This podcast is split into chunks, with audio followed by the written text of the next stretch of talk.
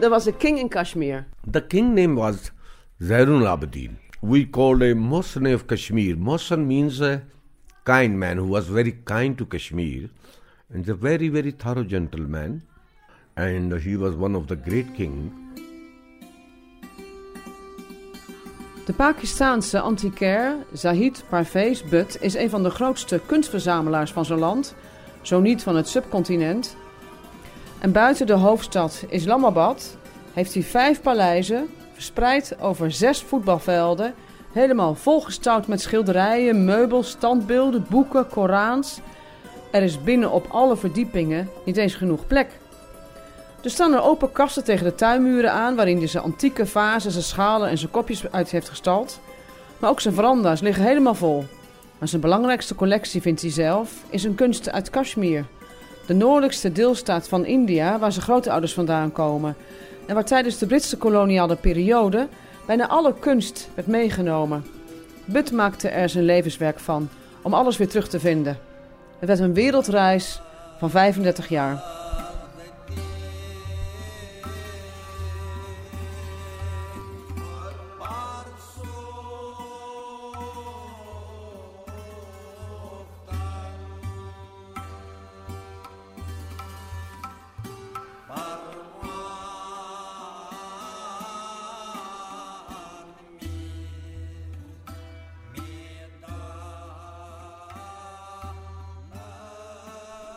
This guy, he invite all the people from Iran, from Samarkand, Bukhara, and all, all, all, all over this Iran and everywhere.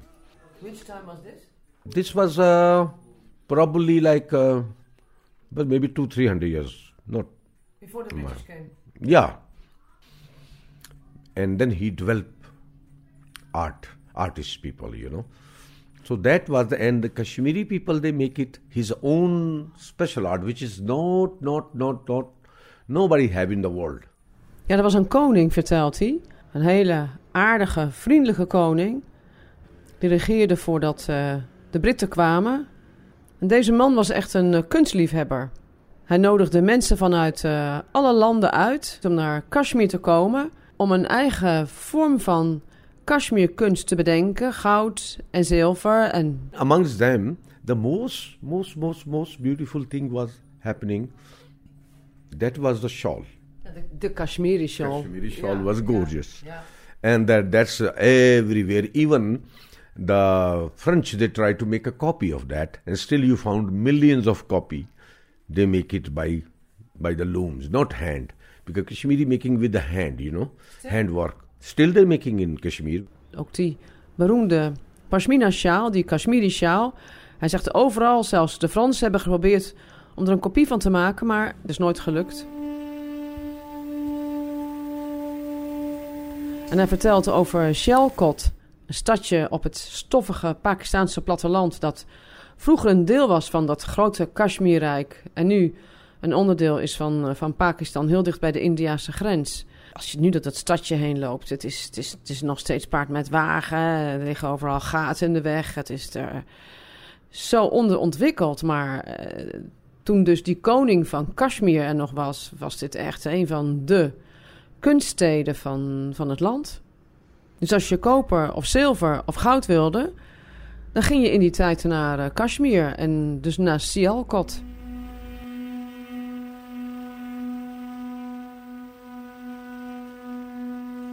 I visited in 1985 so that's what i was dreaming to go and i, I spent 15 day day and night amongst them and i see the real culture and i was very proud i was so happy that I, we are i'm one of them you know very talented Een kleinzoon van Kashmiris. Zijn grote ouders kwamen daar vandaan. En na de opdeling van het Britse Rijk in Pakistan en India...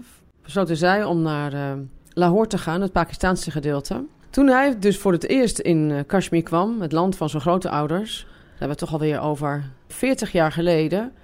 Ja, was hij er verbaasd over hoe weinig van die kunst was overgebleven. Hij zei zelfs, het hele museum was leeg, er stond niks meer... it was not stolen i don't say because the people are making and this is just going mostly the foreigner all foreigner especially british they're buying from them you know from this talent and the Maharaja. That's why we get a lot of things in India still, you know. Britten en, en de buitenlanders die daar tijdens die Britse periode waren, die kochten alles. Maar ook de, de Maharajas, de koningen uit India, eh, namen van alles mee naar hun paleizen. So what I was doing, it was not wrong. It was absolutely, God has chosen me to collect all over the world.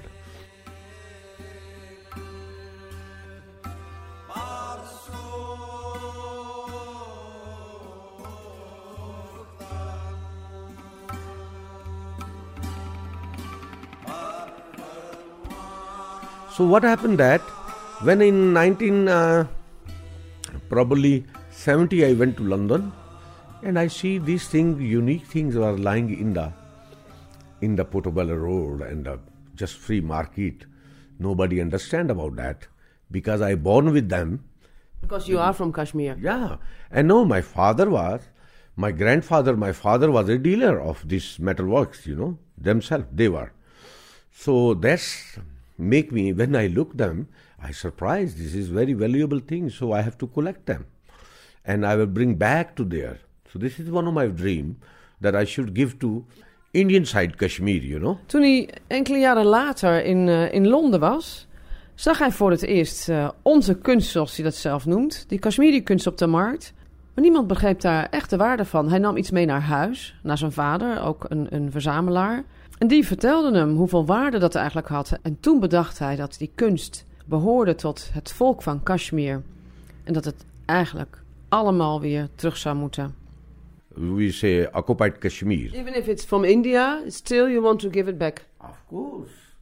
Because you know we are as a as a Kashmiri as a being Kashmiri, I'm Kashmiri too. This is all my families. We are living lot of people who migrate from Srinagar to here. To in Pakistan, Amritsar and Punjab.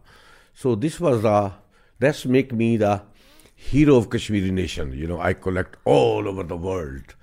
You know, you're the, you're the art king, the art yeah. king of Kashmir. Yeah, yeah, yeah. so I was laughing just few days ago. There was a monk came. He said, "Well, you are the king all time. You know, your next life was like this." Uh, I think one day, if you want, I will. Yeah, I introduce you. Yeah He's unbelievable, you know. He's praying for me. He say, he told me many times, you're king. That's why you're collecting all these things, you know, to give back to them. Hij noemt het ook zijn levenswerk. Het stond ook in de sterren beschreven, want ooit kwam hij een monnik tegen, een boeddhistische monnik. Die vertelde dat hij in zijn vorige leven een, eh, een koning was geweest. Hij zegt, wij moslims geloven daar niet in, hindoes en boeddhisten wel. Ik was een koning, ook in Kashmir.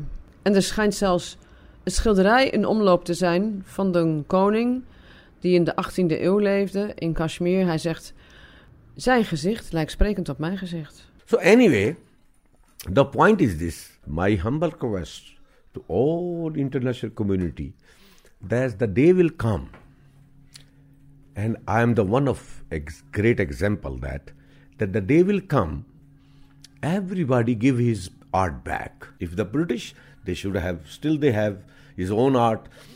If European people, they have his own art. Everybody have his art. You understand? So one day will they will highly uh, civilize people. All the Kashmiri things and the Muslim things should go to the Muslim country, you know. En hij wil ook graag een voorbeeld zijn, want hij vindt eigenlijk dat het niet alleen voor Kashmir geldt, maar dat voor alle landen in de wereld geldt waar bijvoorbeeld tijdens die koloniale periodes um, de landen in Europa de kunst mee terugnamen naar hun eigen musea. Hij zegt het moet allemaal terug worden gegeven aan waar het vandaan komt.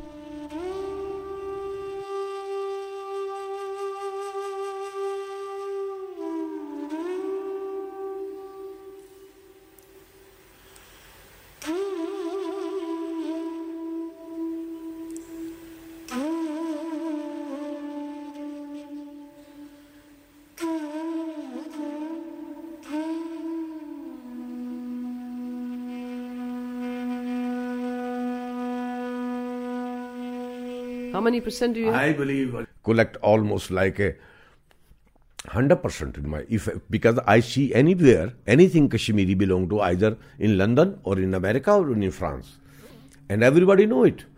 He's a Zahid Zahid Bhatt is a buyer. But do they give you a good price, or they uh, uh, they because no, they know no, no, they know you wanted it, Though, so the price is also very high. Money. From beginning, when they don't know about this thing, I, I was buying like a peanuts, you know. But still, there was a big money, you know. Every every week, I spent thirty thousand pound, fifty thousand was not not joke, you know. This was what I have buying, you know.